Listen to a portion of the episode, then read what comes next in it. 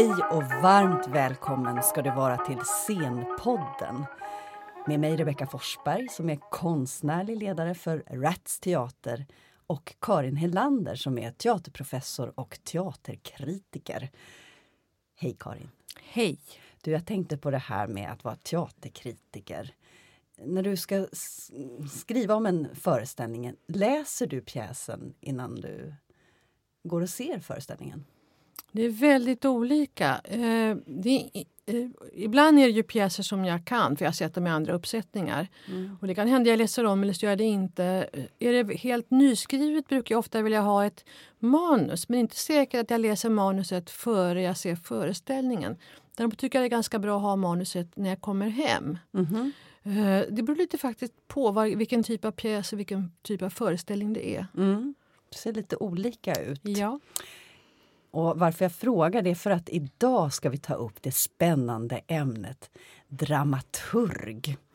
Yrkesrollen dramaturg. Och med oss i studion så har vi Marie Persson Hidenius. Varmt välkommen! Tack! Marie, vad gör en dramaturg? Ja, dramaturg gör många olika saker. Det är ju ett, eh, det är ett yrke som blir eh, väldigt mycket eh, beroende på den som har den funktionen. Mm. Men det finns ju vissa grunddelar som ingår. Och på ett plan kan man väl säga att man är textens representant på teatern.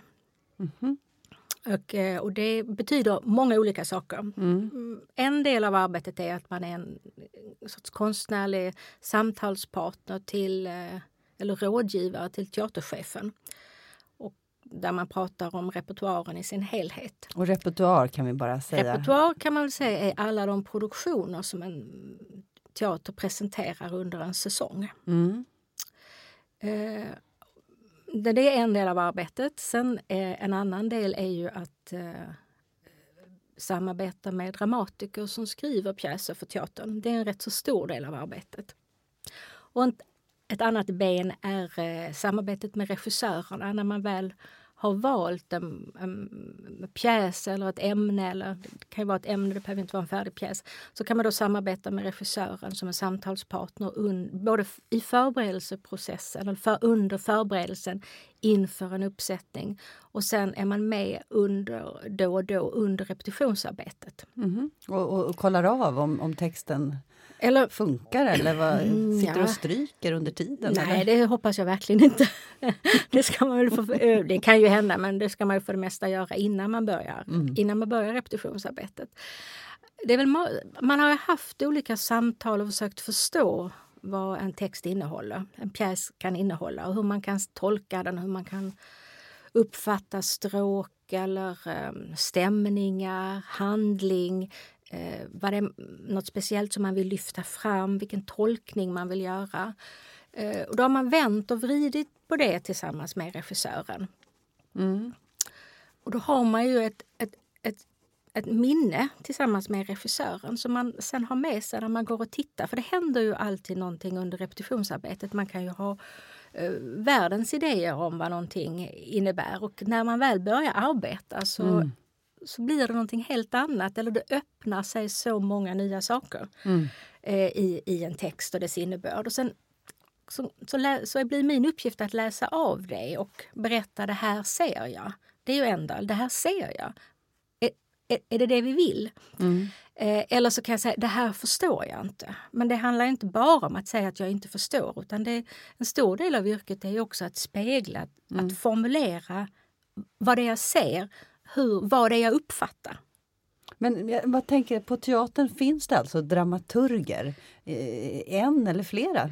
Ja, det är ju väldigt olika och det är ju långt ifrån alla teatrar som har dramaturger. Det där går ju lite mode i och det växlar. Men flera av de stora eh, stadsteatrarna har ju dramaturger och en del länsteatrar har det. Mm. Och du är just nu på Uppsala Jag jobbar på Uppsala stadsteater och har mm. gjort det i många år. Mm. Och du sa precis innan också att du, jag tror att du sa 30 år som ja, dramaturg. Jag har jobbat snart 30 år som ja. har jag varit yrkesverksam som dramaturg. Ja. Vi har rätt person här Karin att, att formulera ämnet dramaturg.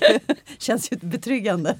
Och du är också utbildad? Ja, jag är utbildad dramaturg. Och vad är det för utbildning som ges för en eh, då, då, när jag gick så då gick jag ju på det som heter Dramatiska institutet. Och då, mm. Den heter, utbildningen heter ju likadant idag, den heter eh, dramaturgi slash dramatiker. Men när jag gick så var den mer betoning på dramaturgi. I, i, på senare år har det blivit en större tonvikt på eh, en, som en dramatikerutbildning. Alltså dramatikern är den som skriver Dramatikern pjäsen. är den som skriver pjäsen. Och dramaturgen är den som är, ja det som du sa nu, ja, samtalspartner. samtalspartner. Och, ja. Mm. Om man benar upp, det är ett otroligt varierat yrke ja. tänker jag. Både för den enskilda dramaturgen, mm. för som du säger att mm. dramaturger skapar sitt eget arbetsutrymme mm. i viss mån också. Mm. Men eh, när du berättar om vad du gör så är det ju så väldigt många olika nivåer, olika mm.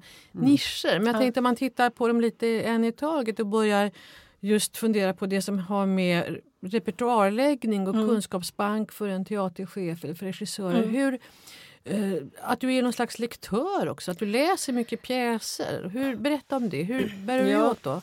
Ja, jag läser ju inte så mycket som jag skulle vilja läsa eftersom mm. jag, jag jobbar ju enormt mycket som produktionsdramaturg också.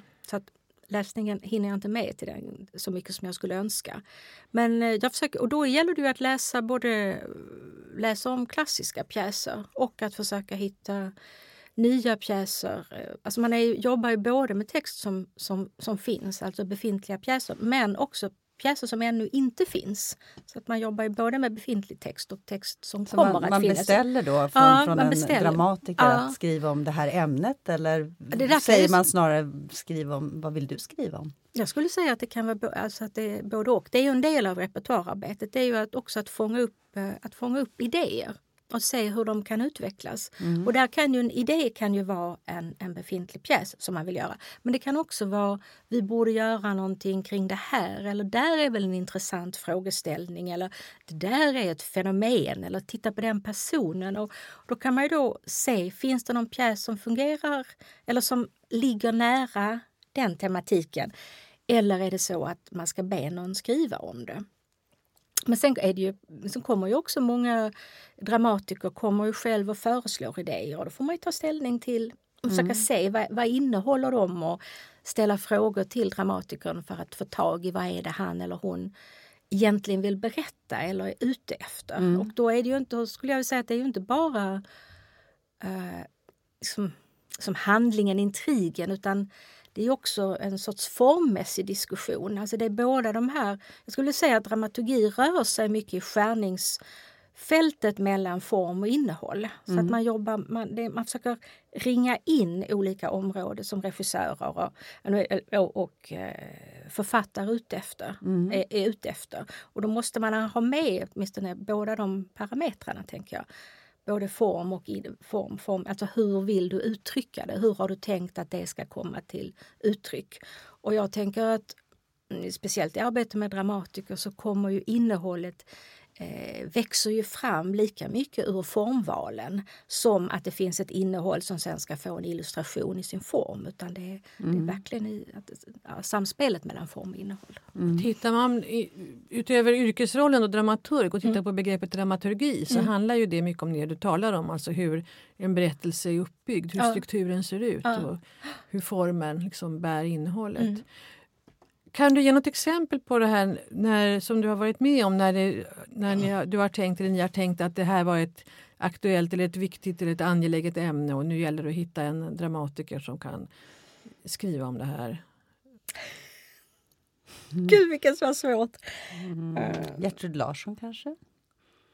Ja, för där, där har det ofta varit Gertrud som har kommit med idéerna. Mm. Att hon är ju som så en av våra samtida dramatiker som, som jag tycker har förmåga av att, att fånga upp fenomen och skriva om dem. Mm. På, ja, på för, förbluffande sätt. Mm.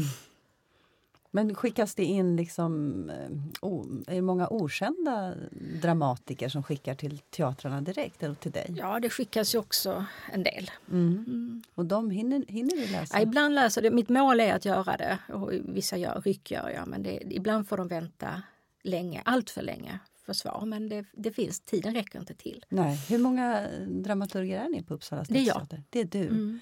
Om man tittar på till exempel Dramaten i Stockholm, hur många är de där? Jag vet inte, en tre, tre fyra skulle ja, jag tro. Ja. Mm. Eftersom du är ensam dramaturg på en stor teater så förstår jag att du säkert inte kan lägga så mycket tid på det. Men, men skulle du vilja, eller hinner du med att också liksom följa, eh, åka till London och se vad som går där eller Berlin eller Alltså det skulle jag, jag reser en del men jag skulle gärna resa mer. Jag reser en hel del i Sverige och tittar. Ja. För att en del i arbetet är ju också att, att se vad som görs. Och då tänker jag att eh, jag bor och arbetar i, i Stockholmsregionen. Så då måste jag också se vad görs på andra delar av Sverige. Och det görs ju mycket, mycket intressant mm. teater som i Malmö och Göteborg och mm. Norrköping. Och, så att jag mm. försöker resa runt i Sverige och, och, och, och se. Mm. För bo, både så jag blir så intresserad hur handskas man med det här ämnet eller vad har man gjort eh, här? Det blir jag, mm. blir jag jättenyfiken på och vill, och, och vill se. Och, och vem gör? Alltså det handlar ju också om att veta vem som gör. Mm. En sorts kunskap om vem, vilka som är yrkesverksamma och hur ser deras, eh, hur ser deras konstnärliga univers, universum ut? Det är en stor del av yrket också. Så det, det, det är inte bara att hitta pjäsen utan det är också att diskutera vem kan göra det. Mm. Lite omvärldskoll på branschen ja, helt enkelt. Ja. Har ni kontakt dramaturger emellan någonting? Tyvärr inte så mycket. Tyvärr inte så mycket. Mm. Mer, det är ju mer att man känner varandra. Men... Och jag tänker på, det, det, en del var det här då när du får in manus och mm. läser och mm. värderar vad, vad är intressant mm. egentligen för, för våran teater att mm. ta upp och vilka ämnen är heta just nu. Mm. Men sen när, när ni väl har bestämt er för vilken pjäs som, ja men det är den här dramatikern mm. och den här eh, pjäsen som ska skrivas. Ja. Hur ser arbetet ut då? Hur nära vill dramatikerna att du ska vara? Alltså det, är, det där är också individuellt, eh, måste jag säga. Men de, jag har ju arbetat väldigt nära många dramatiker mm. genom åren. Mm. Väldigt nära. Um, och ibland när man tänker dramaturgi så, så, kan man ibland tänka, så finns det en föreställning ibland att det där är en ett sorts recept på hur man ska göra. Mm. Det är som att det är en, så, det är en beskrivning. Gör så här så blir det bra. Det finns en, massa, en uppsättning regler mm -hmm. som man ska kan, följa. Finns det någon sån regel vi kan nämna här? Nej, jag är, jag är ju inte regeldramaturg. Nej, jag, jag går nej. ju inte på den linjen alls. Um, så att uh, jag kan inte det. Nej. Har du Karin någon sån där... Jag tänker väl mer på det man brukar prata om som aristotelisk dramaturgi med början, mitt och slut och vändpunkt. Och... Fast jag, jag, jag, därför jag ju säga att grundläggande för mig tycker jag är Aristoteles. Och han, det är en sak han säger som är väldigt bra. Han säger att drama består av tre delar. Aha. Början, mitt och slut. Ja. Och början kommer före mitten. och mitten kommer efter början men före slutet. Det är väldigt smart. Och sen och slutet kommer efter mitten. Och Det där verkar väldigt enkelt. Mm. Ja, det är fruktansvärt svårt. För mm. det är mm. de här, jaha, men var är mitten egentligen? Mm. Vilka är mina tre delar? Mm. Var är början, var är slutet? Alltså, det, är ju den, det är ju den sortens val som man måste göra hela tiden och de får olika innebörd. Mm. Men då tycker jag att han har gett oss, ett, ett, han har liksom gett oss några redskap så vi kan bena upp det. Så kan man fundera över vad, vad, vad, det betyder när jag sätter det i början, om jag sätter det i slutet. Är det kronologin som är det centrala eller hur förhåller, hur förhåller jag mig till den? Eller ska den brytas upp på något sätt? Och vilka om den bryts upp, vilka beståndsdelar är det då jag håller på att arbeta med? För då kommer vi ju in på att det inte bara behöver vara text. Nej, men jag. jag skulle vilja ja. säga en tak mm. till om Aristoteles. Mm. Mm. Absolut.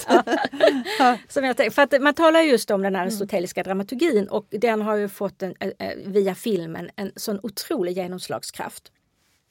Och den har ju gett upphov till det som jag då skulle säga är, är en sorts föreskrivande dramaturgi. Och, och då tycker jag att man, man hela tiden glömmer en sak och det är mm. nämligen att först kom kung Oidipus, sen kom Aristoteles. Vad Aristoteles gör i poetiken är att han beskriver ett drama. Han beskriver, han plockar isär ett drama och han beskriver hur det är uppbyggt och han beskriver i förhållande till samhället varför det är bra. Mm. Och den hållningen som Aristoteles uppvisar, den tycker jag är produktiv för en dramaturg. Jag tycker däremot inte att det är produktivt att tänka så här ska man göra. Mm. Därför att han, han beskrev, han föreskrev inte.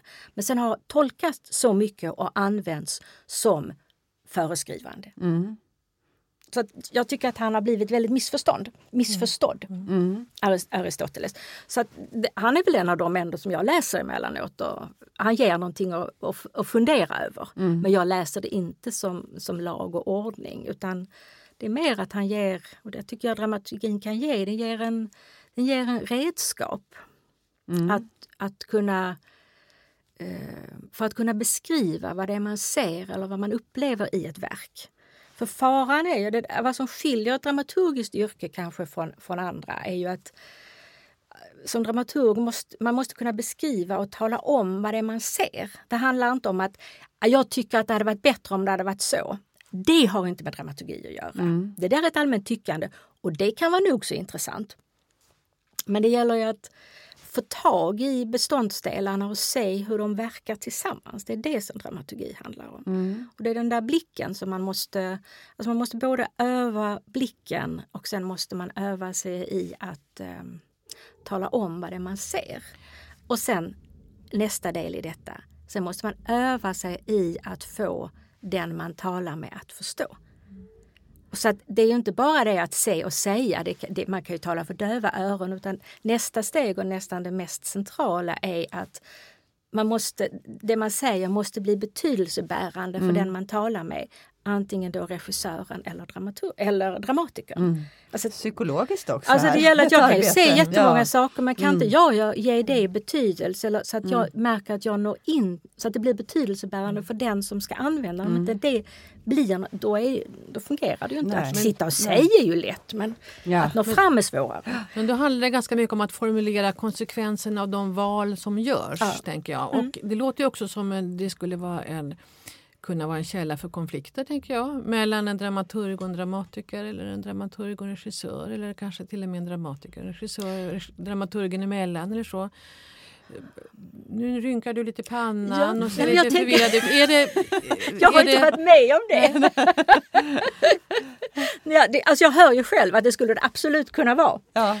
Um, och det kan ju bli hårda diskussioner men konflikt i det, de här frågorna har jag aldrig riktigt varit men just det här med att nå fram, för mm. det är också en pedagogisk ja. ådra som du måste ha övat upp då mm. mm. under åren. Mm. Att kunna få dramatikern att förstå att det här mm. du egentligen ville göra det märks tyvärr inte just nu därför att mm. du har gjort de här valen.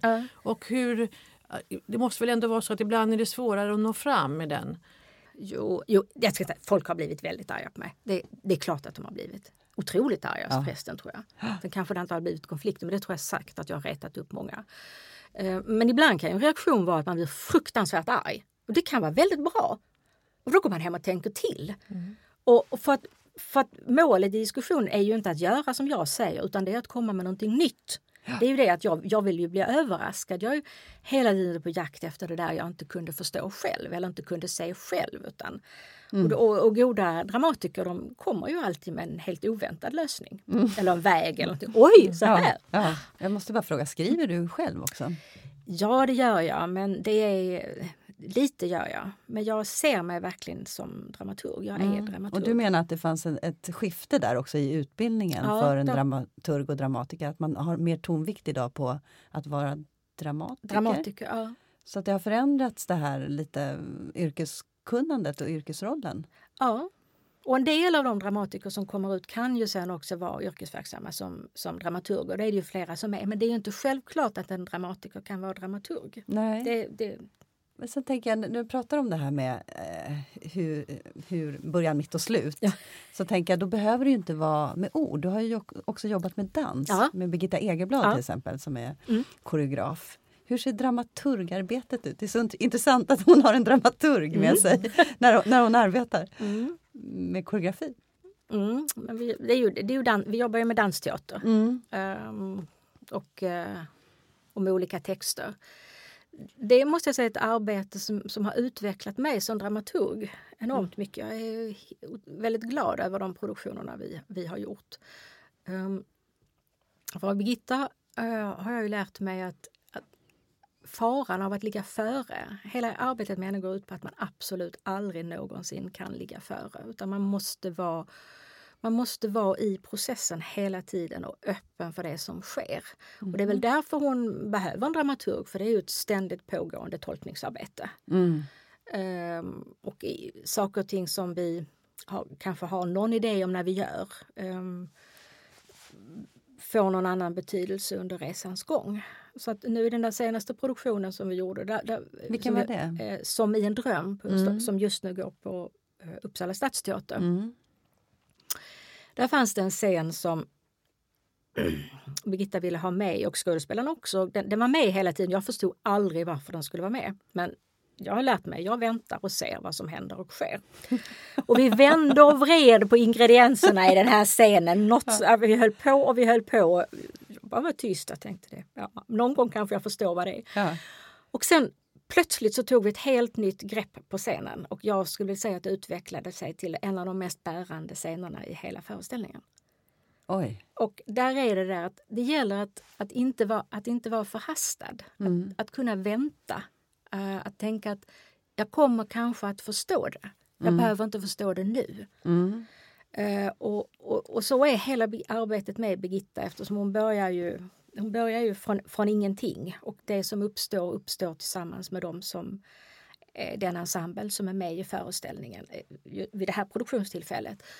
Eh, och man börjar alltid i improvisationen och sen lägger man till texter. Det är det personliga arbetet, det personliga tilltalet, den personliga upplevelsen som hela tiden ska, ska uttryckas. Och då gäller det att att tvärt egentligen det traditionella dramaturgarbetet så att inte vara snabb, inte vara smart, inte försöka lägga ihop det, inte försöka bygga en struktur för tidigt. Det är verkligen, det är bara inte. Det handlar bara om att ta det lugnt, mm. se, avvakta, känn, fundera, reflektera. Men hur pitchar hon in den idén, tänker jag? Om hon inte har ett manus? Alltså hur, hur, eh, hur ser liksom... Jag vet inte riktigt hur hon trollar när hon träffar teatercheferna. Men Nej. på något sätt gör, ja. gör hon, har ett tema ofta. Hon, det finns ofta ett tema. Mm. Men finns det inte ofta text? För jag tänker de här Körsbärsträdgården eller när hon har, ni har gjort Ibsen och Strindberg och Kristina ja, Lugn. Eller? Ja, alltså, ja, när det gäller Tjechov-trädgården var ju enormt lärorik. Då hade vi ju de fyra stora pjäserna. Ja just det, det var inte bara Körsbärsträdgården, det var Tjechovträdgården. Mm. Men jag kommer ihåg en scen, det är därför jag säger mm. Körsbärsträdgården, mm. där alla skådespelare, dansarna, artisterna fälldes mm. i ett enda ögonblick, mm. precis som Körsbärsträdgården. Mm. Var oerhört mm. Alltså där, där, mm. alltså där, vad som är intressant med det arbetet och som har varit enormt svårt för mig som dramaturg och som jag har haft sån glädje av sen när jag väl lärde mig. Det är ju att när vi, vi, vi vi, Birgitta och jag pratar olika tema. Alltså vi pratar mycket som en sorts förberedelsetid. Och sen så, som när det gällde, eh, så visste vi att det var Tjechovs dramer och vi hade upptänkt olika. Då, ja, då läste man dem och sen stryker man för de rader man tycker är bra. Mm. Man behöver inte veta varför man tycker de är bra, man bara tar dem. Mm. Och sen, jag gör rätt mycket av det arbetet men alla skådespelare, alla får liksom leta och det är inga, kom, vad tycker ni om? Och motivera inte utan tyck om. Mm. Och så samlar man det. Eh, och i början så tänkte jag att man förstår bara den här satsen. Det, det krävs så mycket förförståelse för att den ska få en betydelse. Och, och den stora utmaningen var att kunna betrakta repliken som ren text utan sammanhang. Det är jättesvårt. Det är fruktansvärt svårt. Mm. Och det är det man måste göra hela tiden. Ta bort sammanhanget, lita på att i raden så är det någonting som har slagit an i mig. För sen inträffade paradoxala, tycker jag, i den färdiga föreställningen. Så, har, så ligger innebörden väldigt nära det som är sammanhanget i pjäsen. Mm. Så det är, alltså man väljer text som har en så stark laddning i sig. Så att även utan sitt sammanhang så bär den sin innebörd. Mm, häftigt. Mm, det där är väldigt, väldigt intressant. Ja, jag tycker det är Men kan man se någon, ni båda två, kan man se någon trend att det har gått från väldigt sådär ordbaserad eh, teater till att man jobbar mer koreografiskt? Jag tänker på nu, Lars Norén kommer att vara aktuell under mm. våren med Stilla liv. Mm, mm. Som jag inte tror har en enda replik i sig. Eh, kan det vara något eh, som vi, som vi längtar efter? Att man kommer åt en annan slags dramaturgi? Alltså jag tror att snarare att vi är på väg tillbaka till berättelserna igen. Mm. Jag tror att det är en väg. Det är vad jag tror kommer, kommer att komma. Jag tror att det är berättelserna vi söker. Vad har vi haft innan då? Uh, vi har ju haft en period med väldigt mycket fragmentariserat berättande. Inte, så, inte de stora berättelserna. Jag tror att det är ah. den längre stora berättelsen som vi behöver. Igen. Och sen har vi också haft en tid, med, och den pågår ju fortfarande, mm. med ganska mycket liksom det vi kallar för devising. Ja, eller det, det som är där mm. ensemblen själva mm. skapar sin mm. berättelse. Och, mm. och, det kan finnas dramaturger och dramatiker med också men My det är liksom inte, det är inte där det börjar Nej. utan det börjar i ensemblearbetet. Mm. Har du arbetat med den typen ja. av... Berätta lite om hur, vad får dramaturgen då för en roll? Alltså, man är ju fortfarande den som ser. Då, då är, där går det mycket att se, se och lägga ihop och ställa frågor. Mm. Det är det. Och, och, när du säger de stora berättelserna, varför, varför tror du att vi behöver dem? Därför att det finns en känsla av bristande sammanhang. Och att man inte, ja, jag tror att det finns en stark känsla av bristande sammanhang och att en berättelse kan synliggöra ett sammanhang. Mm. Håller du med, Karin? Och då får man tänka att det finns en början och ett mitt och ett slut. tänker jag, I de stora berättelserna. Ja. Mm. ja, eh, jag tycker det låter väldigt eh, plausibelt i mina mm. öron. Och, och vad menar man? När, finns det någon, är det liksom när man säger de stora berättelserna? För, vad menar Eller man sam- egentligen? Alltså, det finns ju, vi väntar nog på att en, liksom en större berättelse om vår samtid ska skrivas. Alltså som Angels in America när den kom. Det är som att man skulle behöva en Angels in America för vår tid. Alltså mm. där, där, där ju Kushner lyckades fånga och beskriva den tid han levde i. Mm. Och de frågeställningar som fanns där. Och det, det är inte så många sådana berättelser vi har. Vad kommer det, sig då? Att inte... det, har inte, det har inte funnits behov av det. Och jag, jag tror den här vägen av att gå från det personliga i devising har varit enormt viktig. Alltså mm. Jag är ju stor anhängare av det. Jag är jättestor anhängare av det. Mm, varför det? Att, att, man berättar sin, sin bild? Ja, att man försöker... Eh, alltså att det har, har varit en central väg att, att, att gå för skådespelare och teaterarbetare att, att nå tiden. Och jag tror män och och att man inte har riktigt varit kapabel att ha den här överblicken över vad det är som sker. Mm. Och det är det jag tror det, det saknas nu. Någon som berättar sammanhang. Mm. Och då tänker jag då måste man kanske komma ut på andra sidan. För det som det här att vi inte haft de stora berättelserna mm. på det sättet du beskriver har ju också handlat om tänker jag, att vi har haft en viss skepsis mot mm. att det finns en berättelse som är inom citationstecken den sanna mm. berättelsen eller är berättelsen med stort B. Mm. Utan det har varit mycket mer en fråga om att hitta många berättelser, mm. just min och din och din och din berättelse. Eh, och foga ihop vår gemensamma mm. kanske. Men eh, i medvetenheten om att det inte finns en stor berättelse kanske stora berättelser kan skrivas. Jag vet inte. Mm. Ja, jag, intressant. Och, och de kan se annorlunda ut ja. tror jag. jag tror det. Och, mm. alltså, vi har ju vi har ju också ett starkt spår som har, ju, har ju också varit det, det journalist, den journalistiska teatern. Att man, man har inte man har inte utgått alltså, från vad man traditionellt skulle säga ett gestaltat material utan har verkligen tagit autentiska berättelser eller journalistiskt ja. sätt att dokumentera, dokumentera mm. och, och fånga, fånga, in verkligheten eh, mm. eh, som jag tror är otroligt betydelsefullt. Mm. Och, när, och det, jag tror att det kan bero på att man inte är kapabel att göra en man, har, man kan inte eh, hålla saker ifrån sig och göra... Eh, man behöver ett visst avstånd för att göra analys. Jag tänker på Uppsala stadsteater. Mm. Ni har ju haft just många sådana produktioner mm. som är, har dokumentärt eller mm. autentiskt mm. material i en mm. annan mm. bemärkelse som grund. Uh, och det är väl också för att exemplet beskriver ett större sammanhang som ja. man vill sätta ljuset på. Ja. Och där exempel, sen vet inte jag hur pass det vore intressant att höra hur pass liksom, den kommersiella medvetenheten finns där. För ofta kan det vara ganska eh, som, omskrivna mediehändelser som blir eh, stoff mm. till en pjäs till mm. exempel. Mm. Och då finns det ju en slags, tänker jag, försäljningstanke kanske bakom det också. Kan det finnas det? Eller var det en elak jag tolkning? Rätt så, jag, ja, var rätt så elak tolkning eh, som det säkert ligger någonting i. Ja. ja.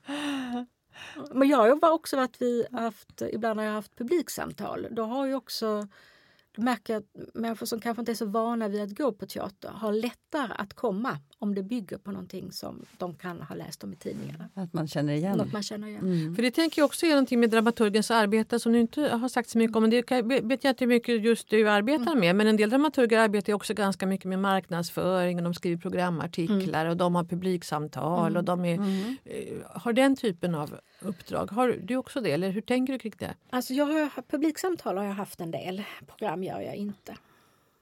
Och program, då menar man man skriver nå- Mm. någon text om föreställningen, vad, vad liksom analysen är Mm. utav den. Det, det är ju många dramaturger, det är, det är ju ofta dramaturger har det. Jag gör inte det. Det ett, nu skakar du bestämt på huvudet. Är det ett bestämt val att Ja. du vill inte det eller? Ja. Alltså jag tycker att mitt, mitt kunnande fungerar mycket bättre i det praktiska teaterarbetet. Mm. Alltså det är ändå begränsat hur många timmar jag kan arbeta.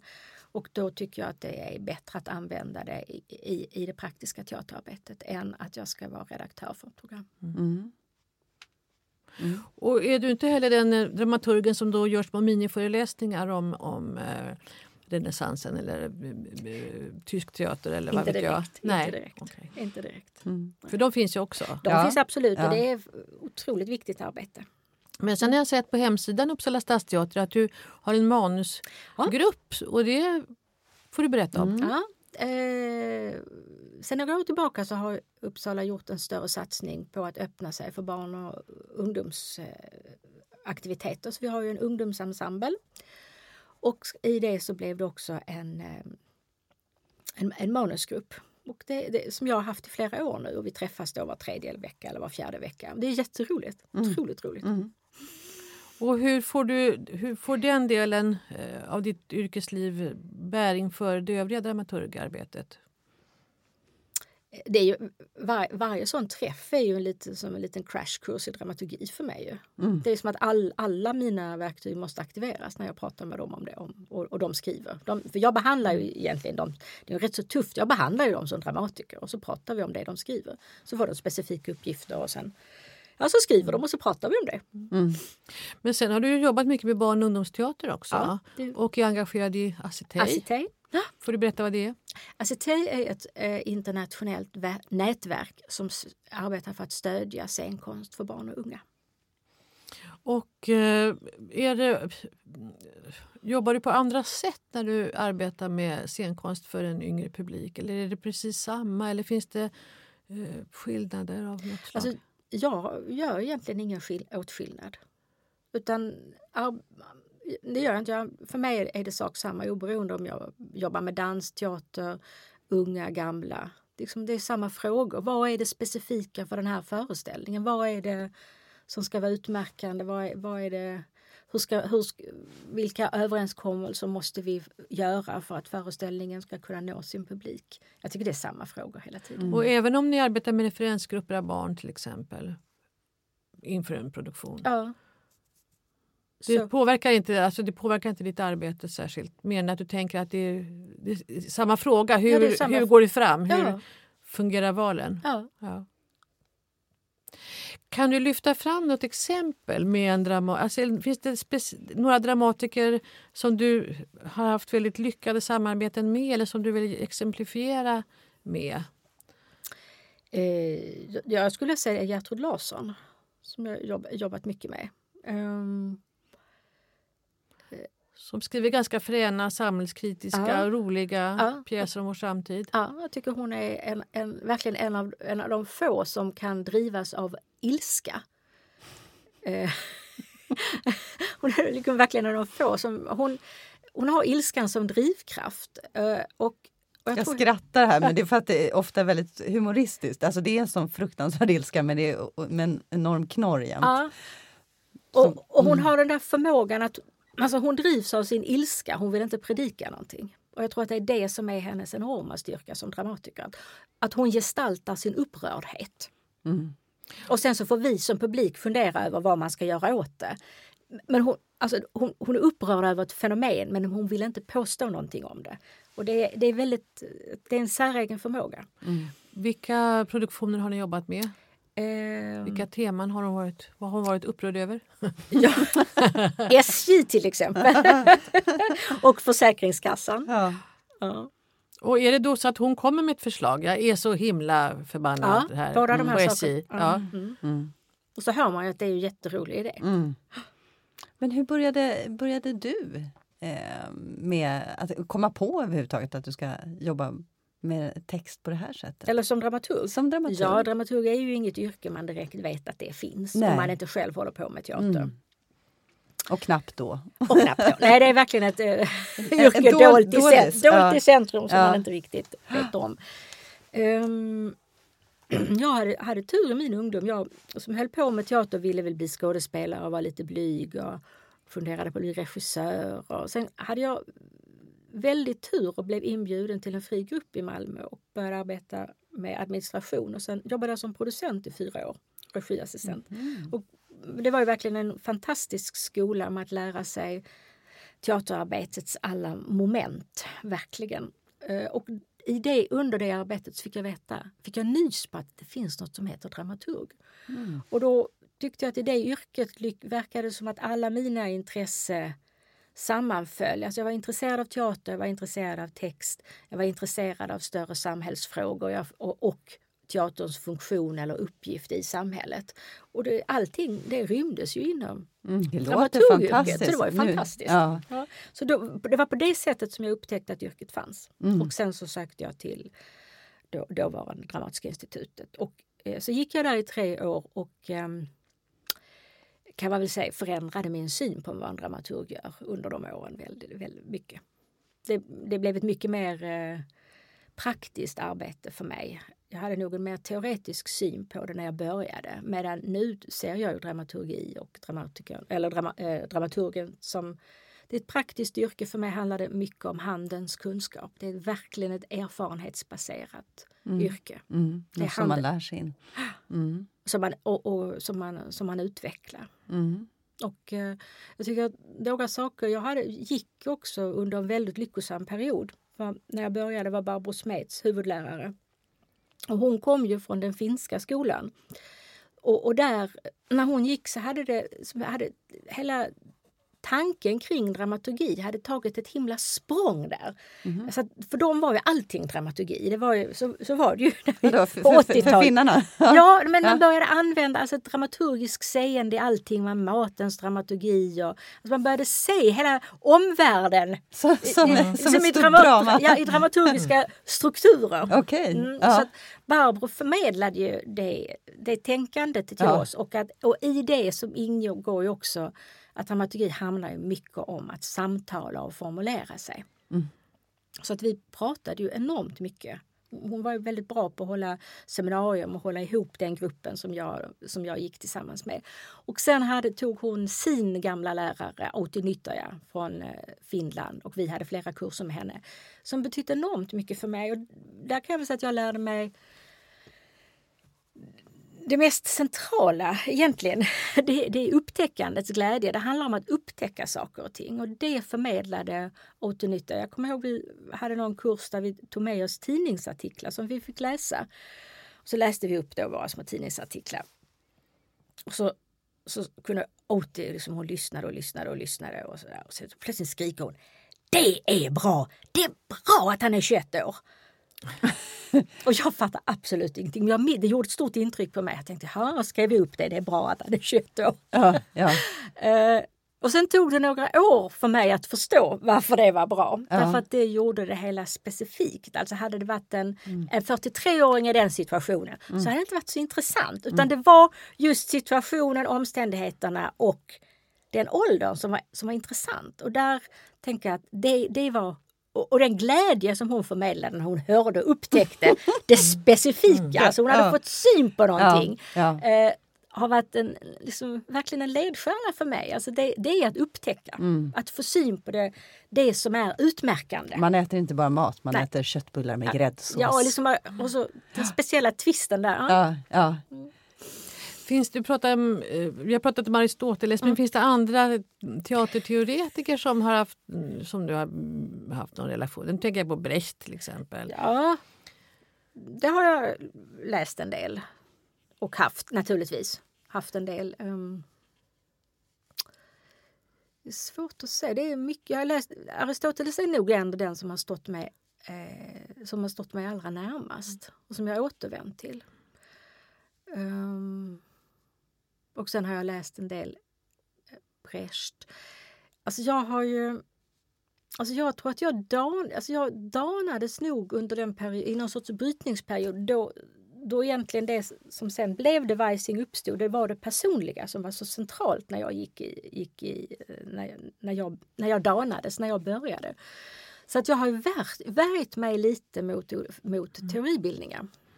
Mm. Får jag säga. På gott och ont. Mm. Om man ser historiskt ändå och ser, det är ändå inget helt nytt yrke även om det har varit dolt. Mm. Vem tänker du är den första dramaturgen? Jag tänker ju att eh, Lessing är den första dramaturgen och att det, att det också växte fram ur en... Det, det, 1700-talets mitt. 1700-talets mm. mitt och ur en social, social situation. Mm. Om man tänker tidigare, under, under lång tid så, så samman... Det handlar om egentligen om kunskapen hos publiken och de som gör teater. Mm. Alltså man tänker Eh, antikens teater hade inga dramaturger, den elisabetanska teatern hade inga, hade, inga, hade inga dramaturger. Att då var det ju väldigt det var kända historier som man satte på scen. Alltså mm. Publiken kunde historien. Mm. Sen gjordes den på ett speciellt sätt och det var väldigt kul. Men mm. publiken delade den här kunskapen. Och Lessing kommer i en period där man börjar skriva en ny sorts dramatik som bygger på på iakttagelser, man hittar på berättelser. Vilket innebär att publiken kan inte historien. Mm.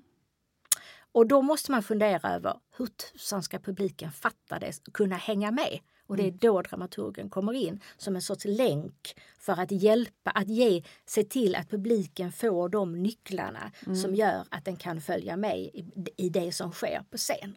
Mm.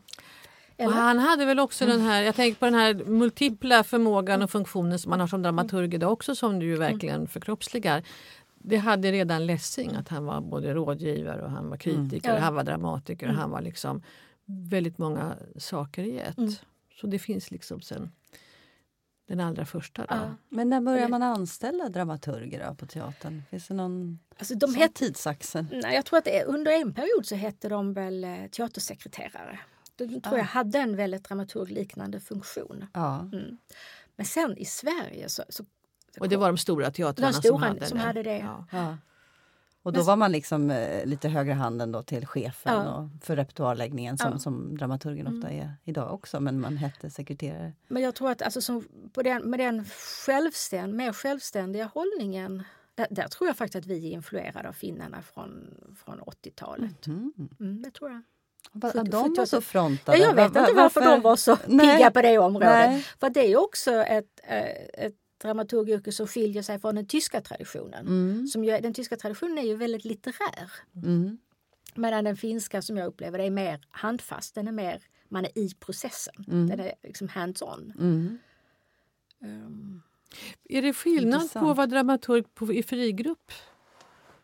Tänk, undrar jag. Har du varit det. Nej, jag har inte varit dramaturg Nej. i frigrupp. Jag har varit producent i frigrupp. Ja. ja. Mm. Och jag kan tänka mig att i frigrupp, om man är dramaturg i en frigrupp så gör man nog kanske ännu fler saker. Man är nog mer involverad i hela teaterprocessen än vad man är kanske när man jobbar på en institution. Ja. Hur, hur, hur mycket går du in och ut i, i under repetitionsperioden till exempel och stämmer av? Om det är en, en eh, sex eller åtta veckors ja. repetitionsperiod?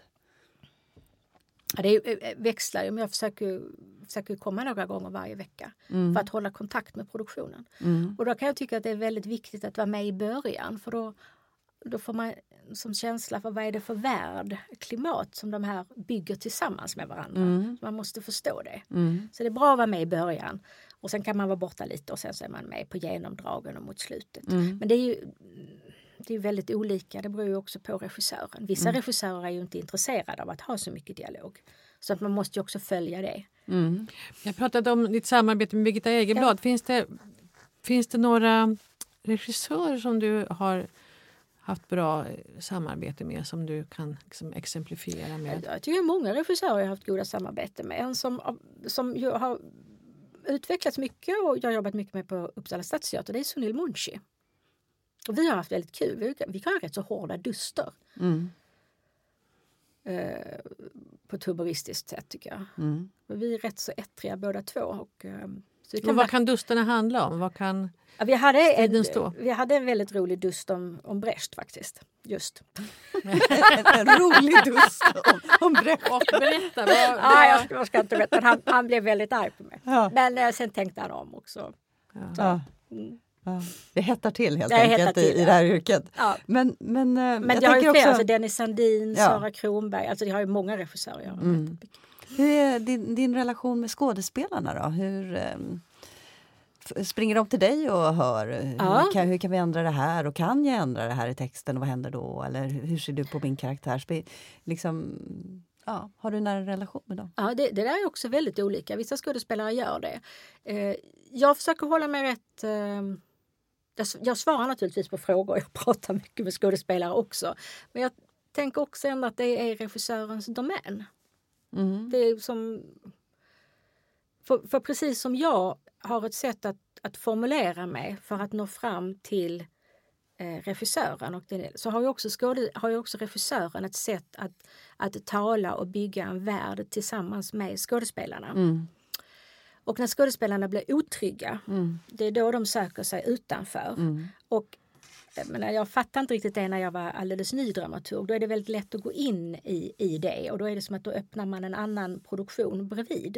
Och då kan det vara svårt för regissören sen att fånga in det hela. Mm. För, s- så att jag, nu är jag mycket mer vaksam, mycket mer vaksam på det. Att det, det är ändå regissörens uppgift att, att, att hålla ihop och tala och skapa, skapa språk och universum i produktionen. Mm. Vad har du för favoritpjäser? Jag tycker mycket om Horvath, Casimir och Caroline och av Shakespeare så gillar jag eh, Mycket väsen för ingenting och Rikard den tredje. Speciellt. Och sen bland ny dramatik så tycker jag Den gyllene draken är en fullständigt fantastisk pjäs. Av. Skimmelpenning. Yes. Och vad är det då som gör att de blir så fantastiska? Vad har de för kvalitet som gör att du eh, nämner just dem? Gyllene draken har ju i sin... Eh, där är hur, författaren använder teaterns grundläggande element. Att han har skrivit in att man, ingen karaktär spelas av den, av den karaktären som, som, som motsvarar dess fysiska eh, ver, verklighet. Så att den, den äldre kvinnan spelas av en ung man. Den unga kvinnan spelas av en, av en man. Det är inskrivet i, i berättandet. Och hur dramatikern lyckats berätta om hela den västerländska civilisationen just nu. Jag tycker det är helt fantastiskt. Och i Casimir och Caroline så är det också en stor samhällsberättelse som är nerbruten i små, i små beståndsdelar och en storslagen poesi. Och där hela dröm, det enda där en karaktär säger och jag som bara ville äta en glass. Jag tycker det är fantastiskt. Och, ja. Vad skulle du vilja se mer av då? På teatern nu? Ja, du har sagt de stora berättelserna. Det kanske är... Ja, och sen tycker jag att det är stora samtidsberättelser som jag inte ser. Det, de, de längtar jag efter. För att jag tycker att det finns, teatern ligger långt efter i att skildra samtiden. Mm. Det finns Sverigeberättelser. Alltså det finns så många berättelser i och om Sverige jag vill se. Som jag inte ser Hur, tillstymmelse hur ska vi till. få dem? Är, är det här manusgruppen en, en väg? Det vet man inte. Nej. Jag får se. Mm. Men alltså, jag tror också att när, när tiden är mogen så kommer de. De kommer att skrivas. Men där, tyck, där tycker jag verkligen att det är ett vakuum. Tack Marie Persson Hedenius för att du kom hit till oss och pratade om dramaturgens arbete. Och tack Karin Helander. Ni hör oss igen om ett par veckor och då har vi en ny gäst och ett nytt ämne. Och till dess så fortsätter vi längta efter de stora berättelserna.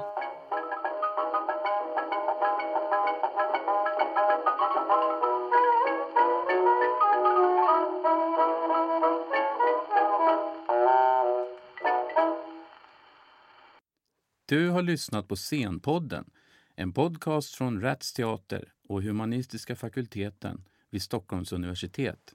Podden spelas in på Språkstudion och tekniker är Henrik Nordgren.